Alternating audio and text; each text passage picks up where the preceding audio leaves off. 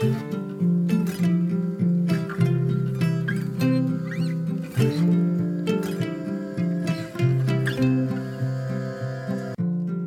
och välkommen till For Health med Anna Sparre. Idag får du lyssna på Dr. David Brady, en riktig kändis inom funktionsmedicin och nutrition, särskilt när det kommer till tarmfloran och dess koppling till hälsa och sjukdom. Idag blir det ett första spännande avsnitt om tarmfloran och dess koppling till sjukdomar, inte minst till inflammation och autoimmunitet. Vilka specifika bakterier är kopplade till vilka sjukdomar? Vad är molecular mimicking? Detta är några av sakerna som besvaras i dagens avsnitt. Om du gillar det här avsnittet blir jag jätteglad om du vill dela det på Facebook, Instagram eller till en vän. Och gå in och lämna din recension i iTunes. Tack på förhand! Jag påminner dig om att det bästa från podcasten finns i skriftligt format som e-böcker. Du kan ladda ner dem på forhealth.se under fliken böcker.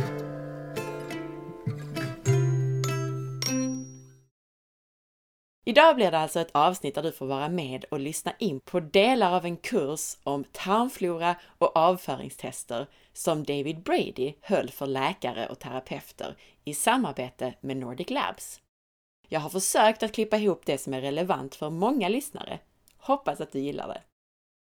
Idag blir det dels de delar som handlar mer grundläggande om hälsa, tarmflora och kopplingen till sjukdom, inte minst till autoimmunitet och inflammation. Vi kommer vidare in mer i detalj på kopplingen mellan mikrober och sjukdom och det som kallas för molecular mimicking. I kommande avsnitt med Dr. David Brady kommer vi bland annat in på autoimmun sköldkörtelsjukdom. Vi kommer att prata om avföringstester och att behandla tarm och autoimmunitet med örtpreparat. Vi kommer ha ett avsnitt om läckande tarm och så vidare. Det här första avsnittet är lite längre Kommande avsnitt kommer att vara relativt korta och lättlyssnade jämförelsevis. David Brady börjar med att berätta om hur det mesta av immunsystemet finns i och runt tarmsystemet. Han berättar att oftast börjar autoimmunitet i tarmen. Han berättar om begreppen ortobios och dysbios. Om studier på de så kallade blå zonerna, där människor lever längre och hälsosammare än på andra ställen i världen. Där människor bland annat har starka sociala nätverk och där de använder fermenterad mat, det vill säga mat med levande bakterier. Vi har mikroorganismer och mikrobiom i och på i stort sett hela kroppen. Och här kommer Dr. Brady i huvudsak att fokusera på det vi har i våra tarmar. Dr. Brady betonar att vi inte kan angripa kronisk välfärdssjukdom på samma sätt som akuta skador och sjukdomar. Han går igenom ett antal definitioner, såsom mikrobiota, det vill säga mikroorganismerna, och begreppet mikrobiom, det vill säga mer än bara mikroorganismer, utan även deras gener med mera. Han berättar om god tarmflora, patogener och opportunistiska organismer. Mycket av de här mikroorganismerna och deras metaboliter vill vi ha i tarmen, men vi vill inte ha dem i vårt blodomlopp. Vi har också toxiner, peptider och en hel massa annat i tarmen. Det enda som håller dem borta från blodet är den tunna tarmslemhinnan. Precis i början av detta första avsnitt, första minuten här, så sprakar det lite, men därefter så blir ljudet bra. About 75% or so of the body's immune resources, immune tissue, immune energy is expended in the enteric in the enteric system. So 75% of the body's immune response is basically dedicated to the gut. Why? The, the human body is pretty um, pretty smart, right? Pretty efficient. It doesn't waste uh, its energy and its resources. So it's telling you that the gut is an extremely important place, obviously, from an immunological standpoint. And I'm going to frame a scenario for you where the dominoes of autoimmune disease generally, not always, not exclusively, but more often than not, the dominoes start to fall in the GI response and in enteric immunology and spills over into systemic uh, immune dysfunction. And of course, you know, Meshnikov. Meshnikov, the great Russian uh, pathologist, zoologist, physiologist, the sixth ever Nobel laureate, which is appropriate here in Stockholm, right? in 1908, um, talked about these concepts first in the Western medical paradigm. Um, and he's the father of the term orthobiosis, right? Orthobiosis, ortho, normal, a good balance of the microorganisms in the gut. And that if someone has orthobiosis, meaning favorable gut ecology, they're generally healthy. Where if someone has a dysfunction or an imbalance, which we call dysbiosis, they're fundamentally not healthy in the long term. And he is the father of modern probiotic therapy, right? He brought probiotics to the fore, and he did it by studying areas that we now call blue zones, right? These areas where people live very long lives, they live very healthy into very old age. Uh, and he wanted to know why why did these pockets of people live so long and live so um, so healthy and weren't racked with disability and morbidity. And one of the blue zones he studied was up in the mountains of Bulgaria, right? And he found this this blue zone, if you will, and he was trying to figure out what did they do different. And they had all the characteristics of all the blue zones where the elderly don't retire and just hang out and do nothing. They keep working. They keep doing what they do, right? They're very valued in their culture and society. They're turned to as like the learned elders, right? They're not put out to pasture and not paid attention to anymore. They have very strong social networks. So the family all lives in the same area. But one thing he did notice that they did is they used cultured dairy products from these cows that fed on the pasture land up in the mountains. And they would culture it and they made yogurts and kefirs and other types of cultured dairy products. And it had various microorganisms in it, which he termed probiotics. It turns out, you know, we still call, you know, Lactobacillus bulgaricus, right, from that experience. So he really brought this idea that if we do something actively to favorably change the microbiota as we know it now. That's not what they called it then, right? But the organisms that live in our gut, we can fundamentally make people healthier. It kind of came and then it went. It left medicine for a long time, right? And now it's sort of back in a much more sophisticated way, as we know, particularly with the Human Microbiome Project, where now we can very rapidly sequence DNA.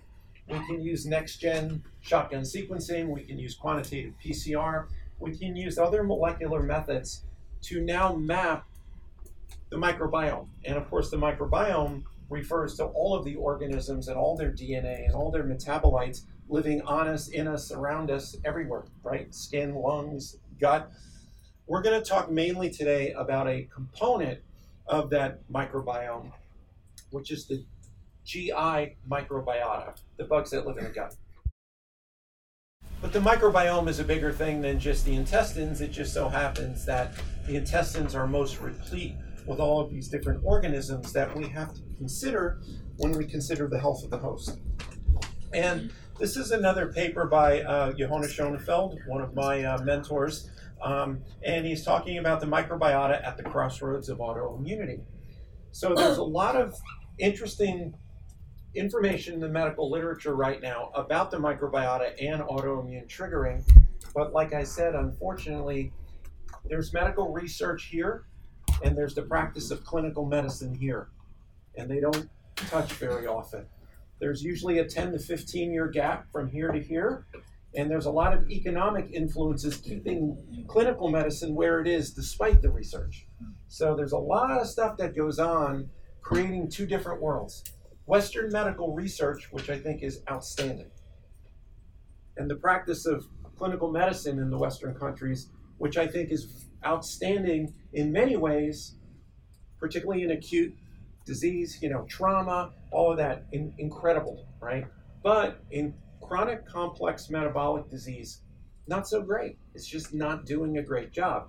Partially because it's trying to apply the same thought process, the same therapeutic uh, order to con- chronic complex multifactorial disease that it does successfully with acute care, infectious disease, trauma, things like that. They're just very different things. And with complex chronic metabolic disease, you can't treat it from the same mindset that you treat acute critical care. It just doesn't work, right? It's not one drug for one organism or one, you know, um, modifier of physiology for one problem. It's a complex multifactorial thing. Just a couple of definitions here. The microbiota, when we say microbiota, We're talking about bacteria, bacteriophages, fungi, yeast, protozoa, viruses, all the organisms that live on us, in us, and around us. Okay? Where when you say the microbiome, you're not just talking about the organisms, you're talking about their collective genomes and metabolomes, right? How they're influencing physiology. It goes beyond just which organisms are there, it's what they're actually expressing, what they're producing. When you're getting lateral genetic transfer of information, how that's affecting our physiology. So even though microbiome and microbiota tend to be used interchangeably, they don't technically mean the same thing. But here we are in the human intestinal tract, right? Running through right through the middle of us. We have a hollow tube running right through the middle of our body. It's technically outside of our body, right? It's not in us, it's outside of us. It just runs through our central core. And in this intestinal lumen is an amazing array of microorganisms. Some of them are beneficial to us, like our commensal, you know, organisms, our probiotic organisms, if you will. And then we have overt pathogens, ones that are not good, right? And if they get to a certain level, cause disease, cause serious symptoms and dysfunction. And then we have the majority of the organisms which are neither pathogens or beneficial organisms. They just make up all the rest. They're often uh, called opportunistic organisms. So we're going to look at all those different classes. But through this gastrointestinal tract is a lot of bacteria, a lot of protozoa, a lot of bacteriophages, a lot of viruses, all kinds of different organisms that you do not want immediately in your bloodstream or you know in your systemic environment.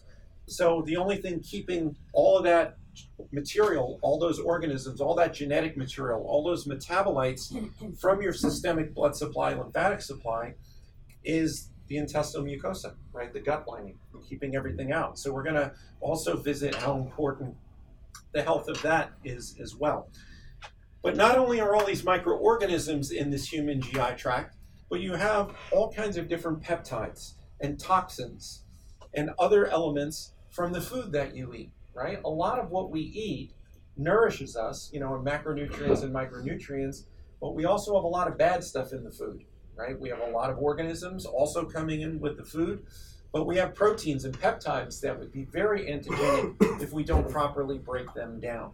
So all of this stuff that can be extremely harmful to us, if it was the label, if it was able to just translate in um, without any kind of uh, metering or any kind of um, discrimination, has there's this basically this filter here, right? The GI mucosa that is very selective about what comes in and what doesn't come in if it's um, if it's healthy. Nu berättar David Brady om kopplingen mellan tarmflora och sjukdom. Mikrofloran har enorm betydelse för vår hälsa. I en studie introducerade man en enda sorts bakterie och denna enda förändring ledde till autoimmun inflammatorisk tarmsjukdom på grund av hur det påverkar immunförsvaret. Därefter introducerade forskarna en annan sorts bakterie som dämpar immunsystemet och botar sjukdomen. Kopplingen mellan tarmfloran finns även till andra sjukdomar såsom cancer och hjärtsjukdom. Men just kopplingen till inflammation och autoimmunitet har visat sig särskilt stark. Dr. Brady berättar om kopplingen mellan tarmflora och autoimmunitet, men även kopplingen bland annat till autism. Han berättar om Microbiota Signature för särskilda sjukdomar de särskilda bakterier och metaboliter som finns i tarmen vid särskilda sjukdomar. Och så lite kuriosa om hur läkemedel tas fram och patenteras. Let me show you one interesting study that illustrates the importance of even changing one bacteria in, the, in that massive population of GI microbes, even if we change one. This was an elegant study first published in Nature, actually, one of the preeminent journals in the world. And then it was so impactful. This is uh, it being talked about and analyzed in The Scientist, another very good publication. Now, this was an animal study. It was a it was a rodent study. It was not a human study.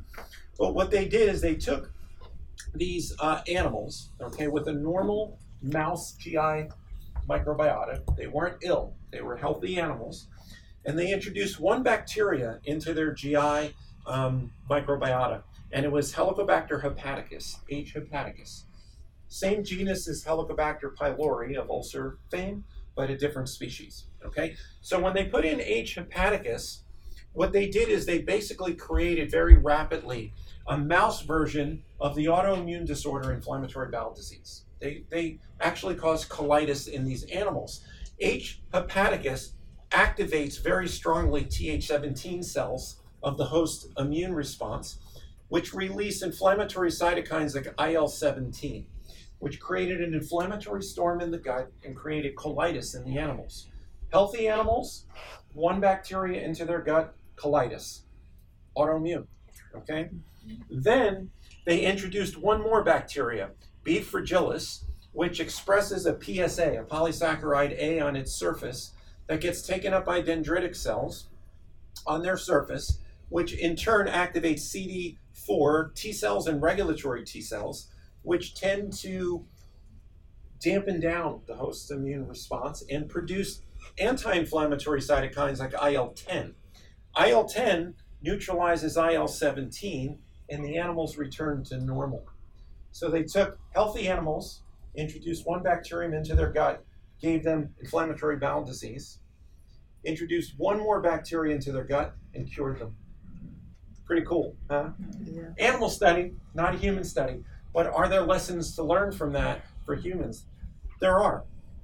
And it's about dysbiosis, right? The various um, aberrations in the order or the balance of different of the microbes in hosts' gut, in populations' guts, and intestinal hyperpermeability or leaky gut, right? Particularly when they both exist concomitantly. You have dysbiosis and leaky gut. And they tend to go together, and we're going to talk about why. This is just a partial list of some of the disorders that you can find stuff very easily by doing a medical literature search. And you see a lot of disorders on here that end in itis, right? They're inflammatory. A lot of these tend to be autoimmune disorders, but not all of the disorders that are related to aberrations in the GI microbiota or autoimmune disorders. Most of them are some form of inflammatory disorder, but there's you know there's cardiometabolic disorders, there's heart disease, there's various forms of cancer, there's metabolic syndrome, there's obesity. It's not just autoimmunity, but the most understood link between changes in the GI microbiota and systemic disease is in autoimmunity. Okay, because some of the studies show an association. All right, so for people who have disease X, let's say rheumatoid arthritis, right? They tend to have a certain pattern in their GI microbiota where certain organisms are higher than in normal people, and maybe other organisms are lower than in normal people. But that doesn't imply causality. That's just an association, right? Associ- association, when they're firm and they're consistent, imply causality, but it could be as a result of having the disease, not the cause of having the disease. We're going to look at data that's now moved into showing causality, not just association. And that's, that's much stronger kind of information. And here's an example of something um, involving the gut microbiota that's not what we would consider overtly autoimmune in nature, not a classic autoimmune disorder per se, but an extremely complicated disorder, and that's autis- autism, right? So, children on the autistic spectrum is a major, major problem in the West. And when you look at the GI microbiota in autistic children versus normal children, they look very different. And when you use real time PCR, you find out very quickly that kids on the autism spectrum have a much higher representation of DNA of Clostridia. And they actually look at the different Clostridia clusters and their, you know, genetic um, signatures and so forth. Um, but there's no doubt at this point, it's been shown by multiple groups around the world that kids with autism have tons of Clostridia in their gut, way more than normal kids. Does that mean that Clostridia overgrowth in the gut causes autism? And that all you have to do is treat the Clostridia and the autism is better? No, right? It's much more complicated than that. And no one has answered yet exactly why there's so much more Clostridia in these autistic children. but we know it's a very complicated multifactorial metabolic disorder. But it is something to add to our understanding as we try to solve the whole puzzle of autism. And what's interesting is if you treat, though, based on some of that information, for instance, if you use fecal transplantation or microbial um, microbiota transfer therapy with stool transplants in autistic spectrum kids, it's been done, they functionally improve. A lot of their behaviors improve, their eating improves, their attention improves, their social interactions improve simply by introducing in the most comprehensive way we can to change the microbiota in an individual is with the stool transfer from a healthy individual. And as we move forward now, though, this is an interesting paper the role of the gut microbiome in systemic inflammatory disease. And I'm not going to you know, read from the paper, but I'm going to show you that, and this is once again hard to see on the slide, but what they're doing here is they're presenting from the medical literature. This is a systemic, uh, systematic review um, paper, but they look at the different organisms that are overexpressed, organisms that may be underexpressed, but beyond just the fact that the organism is more populated in the person's microbiome or not, it's looking at metabolites, it's looking at LPSs, it's looking at other types of genetic propensities in the cohorts that have the disorder and developing what we call a microbiota signature for a certain disease. Now, there are people that may have the disease that are outliers to the signature. But when they crunch the numbers and they look at it over populations of large numbers of people that have what is the first one? Inflammatory bowel disease or inflammatory arthritis like rheumatoid arthritis, ankylosing spondylitis, psoriatic arthritis, or multiple sclerosis or lupus. This is just a couple of disorders here. The researchers are developing complex patterns or signatures of what's different about these people than people who don't have the disorder and are relatively healthy. As these signatures get built in more and more of a precision manner, we can come up with therapeutics to hit it from different sides to try to normalize it. And the key is to normalize it as soon as possible in the disease process. The earlier you start trying to nudge this stuff back in the right direction, the more success, successful um, it seems to be. So, with this all being known in the literature, it's not surprising that the pharmaceutical industry is hot and heavy in development right now in drugs that manipulate the microbiota. Um, and I just put some of them here. And they vary from very specific, um, standardized, and uh, protected with intellectual property, so trademarked, if you will, patented probiotics, right? Very specific ones that are owned by a pharmaceutical company to treat a specific disease and approved to do so. This is pharmaceutical probiotics. They're coming, folks, okay? So when they're here and there's enough of them, it will be interesting to see if normal probiotics that we use all the time maintain their existence, right? I'm not sure. It's going to be a brave new world, right? Mm-hmm. But not only the organisms themselves, but being pharma, what they love to do is isolate it down, down, down, down, down to the active, right? To the one proprietary molecule that they can find out what is the structure and function and then change it a little bit, right? Put a little functional group here or there so that it's not anything that it's natural anymore, that you can just go get somewhere, right? They make it their own molecule, then they can get the intellectual property on it, right? It's like Valium, the drug. Well, it started as valerian root, right? Mm-hmm. Duh, right? Yeah. They took the structure, they knew it was GABAergic and was a GABA receptor agonist. So they took it and they tweaked it a little bit, right? So now it's not natural from the valeriana plant, right? It's something synthetic, but it has a lot of the same functionality. But they're very smart when they change that functional group. They make it faster acting, more potent per milligram, exceedingly intelligent in the design of it.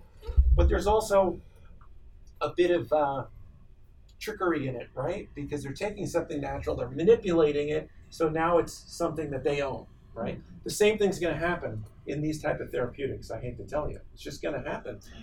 It took a long time to get them to realize that this was important. I mean, we've been doing this stuff in functional medicine for 30 years, right? Not not totally new stuff, but they're looking at things like specific LPS molecules expressed um, by different microbes, uh, different metabolites that are expressed by certain microbes, um, different uh, prebiotics, right? Different types of maybe um, um, combinations of different resistant starches and fibers and things like that that would foster the growth of certain organisms over others.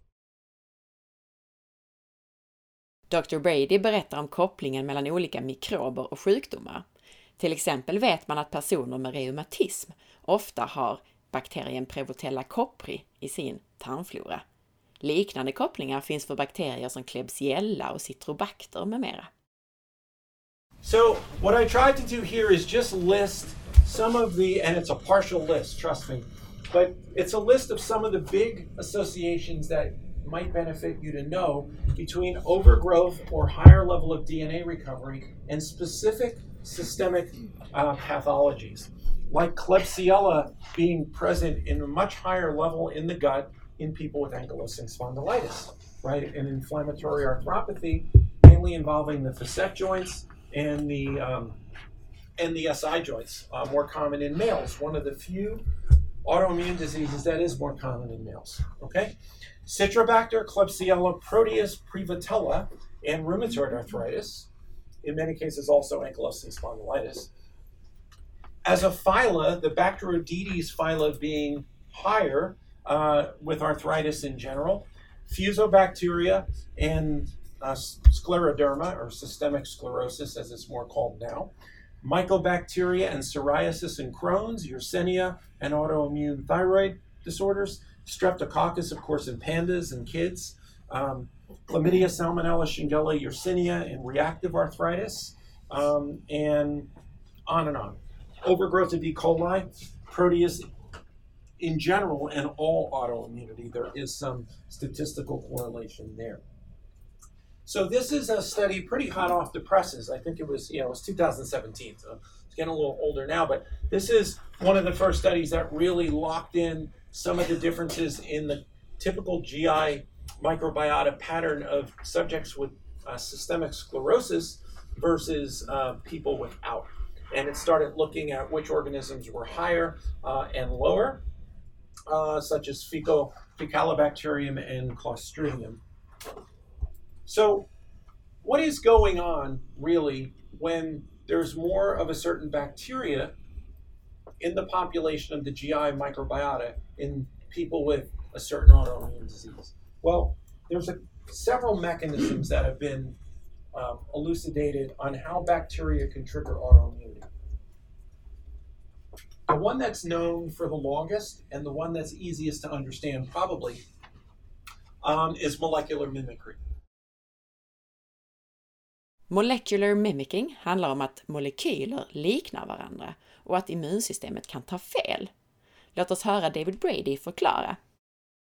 molecular mimicry is just that one molecular structure looks enough like another, mimics another, where the immune system that's already sort of in chaos and confused and in an inflammatory state loses the ability to discriminate between one protein and another, right? One looks enough like the other that the immune system says, ah, close enough, right? It's like two people that kind of look alike, right? And someone on the street goes up and says hi, and then they, oh, that's not really you, right?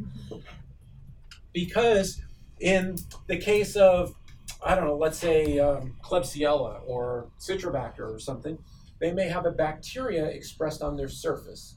And if the person has a genetic propensity to overreact to that kind of protein structure. In the case of, let's stay with um, rheumatoid arthritis or ankylosing spondylitis, they may have an HLA pattern or human leukocyte antigen pattern of the on their uh, on their white on their white blood cells or their immune cells. They have an HLA B27. Everybody know of that, right? The HLA B27 HLA pattern for genetic susceptibility to, let's say, rheumatoid arthritis, ankylosing spondylitis. What that means then, if you are exposed to an environmental peptide or protein that wants to lock into that HLA molecule that you have, you will then present that out to the rest of your immune system, basically saying, hey, look at this, look at this. When you see this, respond to it, right? Fight it. This is not me. This is something to pay attention to. So the uh, antigen presenting cells with the HLA pattern see this peptide or protein, could be a food peptide, could be a bacterial derived peptide. And it says to the rest of your naive T cells, look at this, learn this.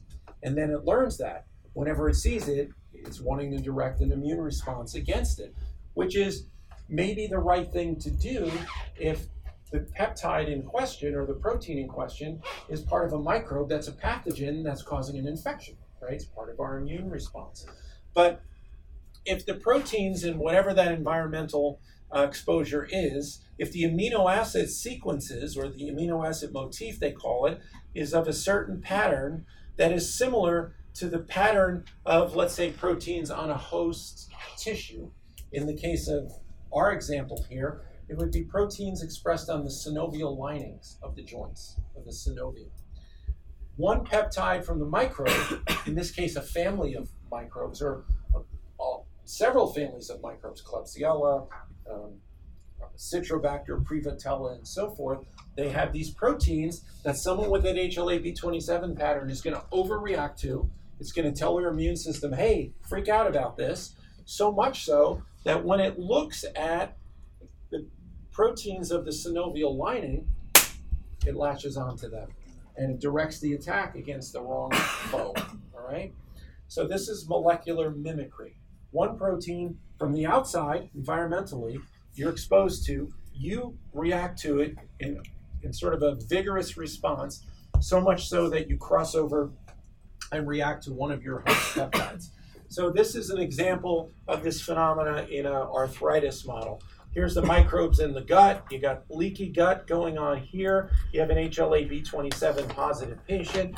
You get the immune reaction. You get the antigen uh, presenting phenomena you get immune activation and you get cross reaction to the synovium. Dr. Brady berättar om studier på reumatism och tarmflora. Han förklarar också så kallade flare-ups eller skov i autoimmuna sjukdomar. Hur man ser att när autoimmuna patienter är symptomfria så ser deras tarmflora också normal ut. Men när de har symptom så är tarmfloran full av Klebsiella, Citrobacter med flera inte fullt så trevliga bakterier. GI-MAP-testet som Dr. Brady nämner finns under hälsotester på forhealth.se. Han kommer vidare in på kopplingen mellan munhälsa och sjukdom. Och också kopplingen mellan urinvägsinfektion och reumatism och framförallt proteusbakterier. This goes back a way. This isn't a brand new observed phenomenon. This is 1999. This was information out of the Ukraine. And this was before they had this kind of molecular stool analysis ability that they had now. So this was incredible work at the time. But this group took patients with rheumatoid arthritis and without rheumatoid arthritis, and they looked at their microbiota, their gut, what was different.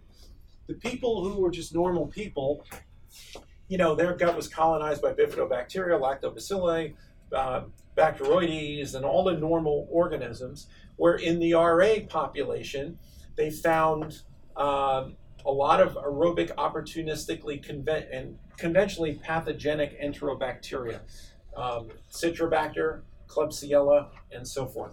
But what they did is they went further. It was interesting. And they were the first group, uh, to my knowledge, to show the phenomena that in autoimmune diseases, they almost all of them have the classic characteristic of for not any kind of apparent reason they can flare up and get a lot worse and the person's very symptomatic and then the person tends to get better and then they get worse and then they get better regardless of treatment ms sometimes ms people can barely ambulate and then all of a sudden they're a lot better for a few months and then they get bad again right um, ulcerative colitis Sometimes people can't leave the house for a month, right? And then all of a sudden it turns off like a switch and they didn't do anything different.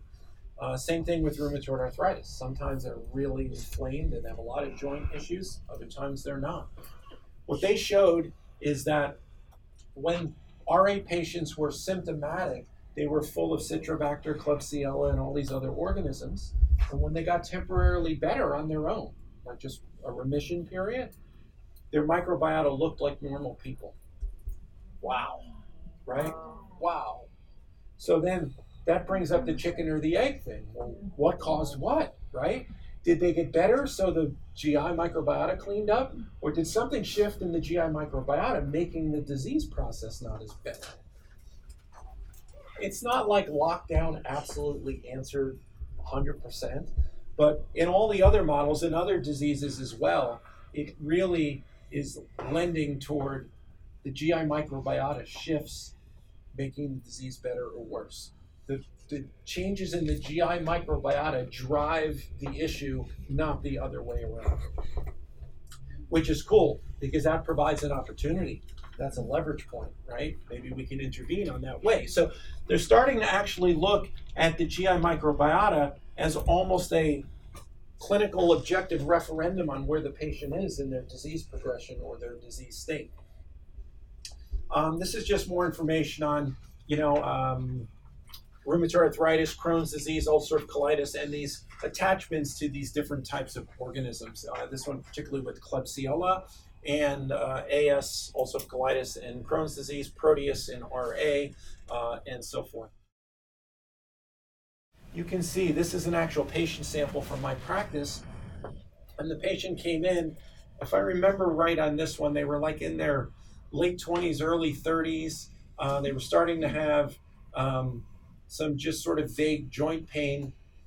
Um, and they had come in actually for something different, uh, not because of the joint pain, but in their history, um, they they talked about it. They seemed young to have that. It wasn't like a degenerative osteoarthritis situation. And in taking their family history, I found out that there was a bunch of family members that had rheumatoid arthritis. So when we did the GI map, they popped with DNA, elevated DNA recovery for Citrobacter, Klebsiella, and Proteus mirabilis, three organisms associated with much higher incidence of emergence of RA downstream. This is just some of the data out there on Prevotella and early onset um, rheumatoid arthritis. This you can see now is a little bit more downstream, and the autoimmune trigger section is getting bigger and bigger. This is another patient with Citrobacter, and in this case, Prevotella. Prevotella is an interesting organism. It can cause some autoimmunity to the joints because of molecular mimicry, but it can also produce a specific enzyme that can modify host uh, proteins by rearranging the amino acids on one of the, the, ter- the, one of the terminal C terminal end, I think, on on the protein. And this is an example also of an organism that does that. It's um, P. gingivalis. P. gingivalis is the most common organism to cause gum disease, right? Periodontal disease. Particularly people who don't get their teeth cleaned a lot, they don't, you know, floss and brush, and they just have bad oral health. Um, it's been known for quite a while now that people with bad oral health have higher cardiovascular disease, higher um, various, you know, chronic inflammatory uh, issues, but they definitely have higher incidence of autoimmunity and particularly rheumatoid arthritis. So this actually caused dental researchers to research this organism pretty significantly all over the world, different different uh, research groups, and what they found out that P. gingivalis actually produces for its own purposes the enzyme peptidyl arginine deaminase 4, what they call PAD4 or PAD4. Now, what PAD4 is used for in the organism, once again for its own purposes, is it mediates the conversion of protein structure. It citrullinates one of the proteins it needs for its metabolism. so it adds a citrulline on, on some of its own proteins, but if it's overexpressed in the mouth, it can secrete this enzyme and it can modify your proteins. Okay? And what it does is it changes, it transposes an amino acid, an arginine, I think, strips it off, puts on a citrulline, and it does it to proteins like vimentin, collagen, and fibrinogen. your vimentin, collagen, and fibrinogen. So it changes an amino acid on your own protein. What does that do to your immune response to your own protein? It changes it.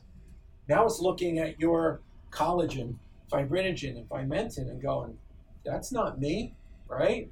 That looks a little different. I need to attack it. So this isn't molecular mimicry. It's an organism producing an enzyme that modifies your protein, now rendering it something that your immune system wants to attack. Okay? So now we're moving from association to causality, mechanisms of etiology, right? So this goes on to say that P. gingivalis um, can citrullinate your host proteins and um, let's say plays an important role in pathogenesis of RA. Now they're saying this isn't an association anymore. This is causal, right? But what they're not saying is everybody who has rheumatoid arthritis has rheumatoid arthritis because they have P. gingivalis producing PAD4 citrullinating their peptides. There's a lot of doorways into rheumatoid arthritis. This is just one of them. Okay? This is why this is so hard for conventional medicine. The whole system is based on Koch's postulate, right? One organism, one disease, right? It doesn't work that way in this stuff. It's more complicated. Many of these proteins that cause molecular mimicry in certain individuals, many of these enzymes produced by a bacteria that alter a host peptide are conserved across a multitude of different types of bacterium. So it's not just one organism that can produce them or supply the protein. It's across a lot of them. And that blows their head up. They can't deal with that, right? It's too complicated. Well, it's complicated. Sorry. What are you going to do? Here is a really cool article on citrullination. There's a possible link to period, between periodontitis and rheumatoid arthritis. And I put this in here because if you're like a biochemistry geek like me, it shows actually what's going on with the PAD4. It's taking the, um, the, the native protein with an arginine sticking out here on the end, and it's transposing it with a citrulline. Okay? Now, if you talk to physicians um, and they've been trained on the diagnosis of uh, rheumatoid arthritis. They'll often, once they have clinical suspicion of RA, right? Joints, certain joints are swelled up, right? Family history, whatever it you know, elevated C-reactive proteins or inflammatory markers, they will do a rheumatoid panel to usually to confirm a diagnosis. And what does it contain? Well, it'll contain inflammatory markers if they haven't done it yet, like C-reactive protein, SED rates. It might do uric acid to rule out gouty arthritis. It'll have a rheumatoid factor on it. But what's the other test that's on it? CCP or ACCP. It's the same test, just different name. Anti-cyclic citrullinated peptide. So the doctors know if they want to confirm RA, one of the tests they should do is a CCP test. And if it's positive, it's more evidence that the patient actually has RA. They know that. They're very smart. They're very well trained. But ask them, why do you do the ACCP test? Why would it be positive in rheumatoid arthritis? See how many of them can answer you.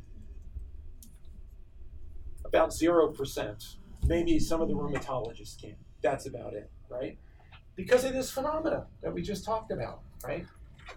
It's citrullination of host peptides by bacteria. So it's not just about leaky gut, it's leaky mouth, right? So one of the things we do in autoimmune patients very quickly is we look in their mouth. And if their if their mouth's a wreck, right? Their gums, their teeth, we get them to in my practice, we have whole body medicine on this side, and we have whole body dentistry on this side. So we have biological dentists right there to clean up the patient's mouth. And we do these types of tests too. It's called MyPeriopath.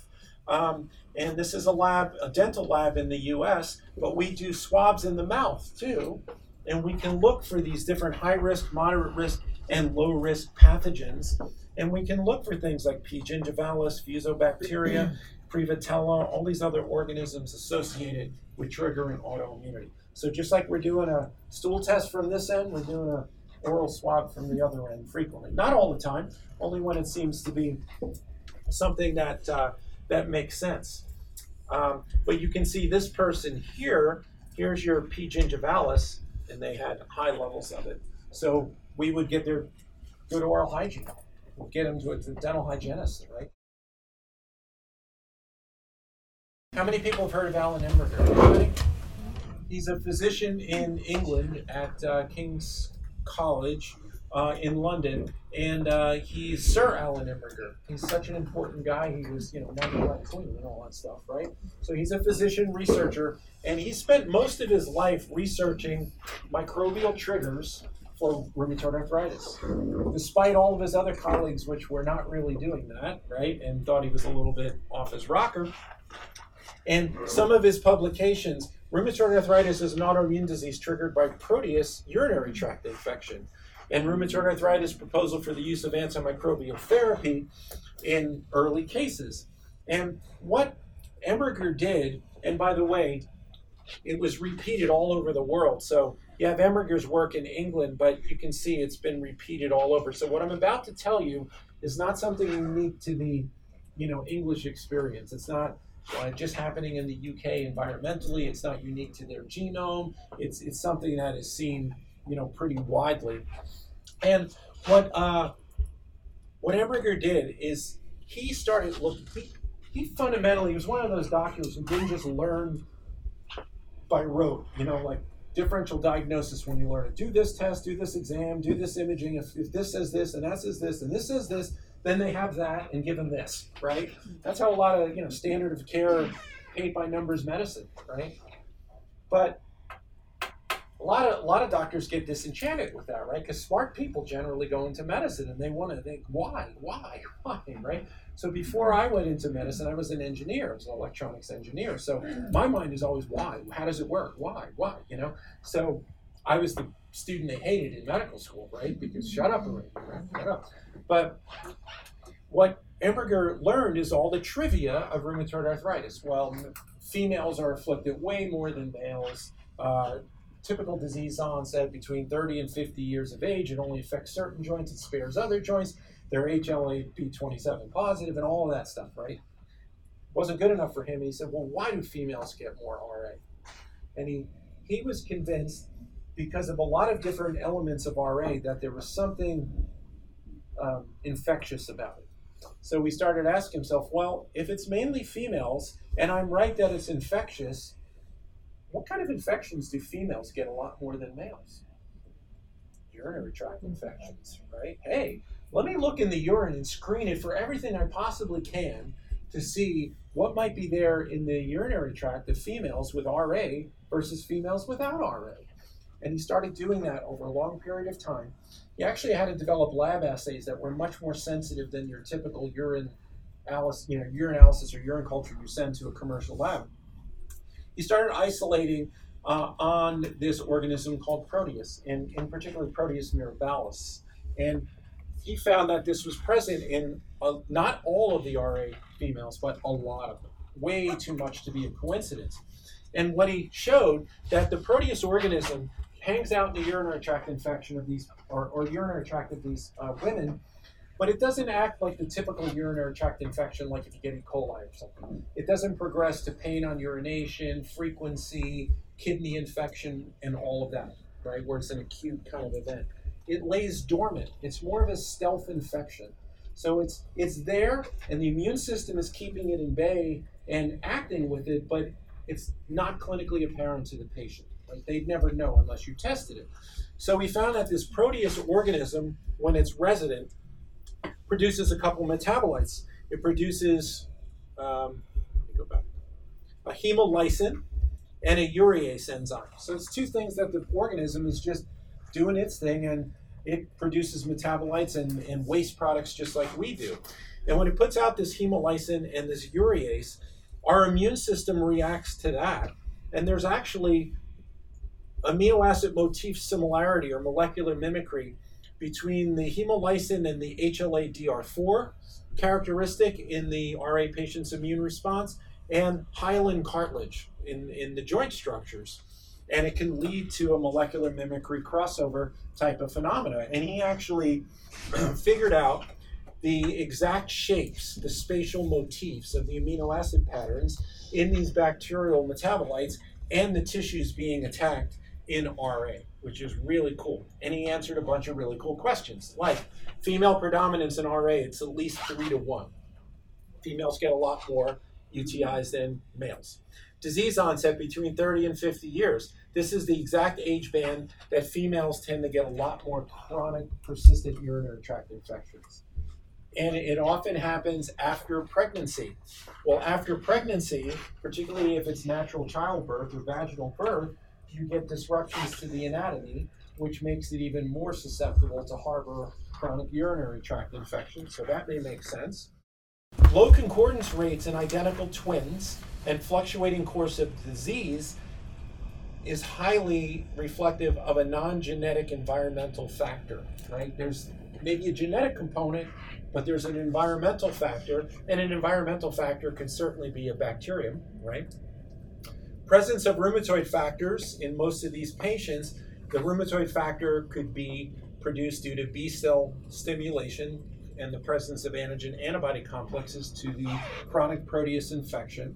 And then here he lists the amino acid motifs or the sequences between the proteus hemolysin and the HLA DR molecules. But the, the coolest part to me is the amino acid motif similarity between the proteus urease and type 11 collagen. Type 11 collagen is a specific subtype of collagen, and it's the one that has the molecular structure that looks like the proteus urease. Where do you find type 11 collagen? Oh, just in all those little joints of the fingers and wrists and stuff that they told you as a doctor to be one. You know, if it affects these, but it spares these, think RA, right? Why? Shut up. Just do it, right? That's where the type 11 collagen is. Duh, right? Isn't that cool? Yeah. That's cool stuff. If that doesn't geek you out and get you excited, you're in the wrong place, right? Dr. Brady betonar att det inte alltid är så att det är just en viss bakterie som driver autoimmunitet. Det finns många faktorer som kan utlösa en autoimmun sjukdom, inklusive virusinfektioner och olika faktorer i vår omgivning. I don't want you to think of these autoimmune diseases in that very reductionist way. Like, oh, they have rheumatoid, they have rheumatoid arthritis. I must see Klebsiella on the test or Citrobacter on the test.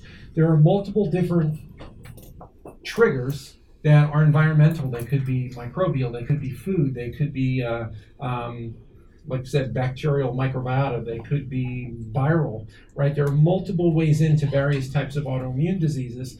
And even within the concept of changes in the microbiota, this paper is talking about the fact that many of these proteins that create the the um, the sort of molecular mimicry phenomena are conserved across multiple types of organisms. So they go on here to say that this data suggests possible explanation for the difficulty in incriminating individual infections in the development of this case, it's MS. They were looking at specific organisms and um, causing an autoimmune response against uh, myelin basic protein.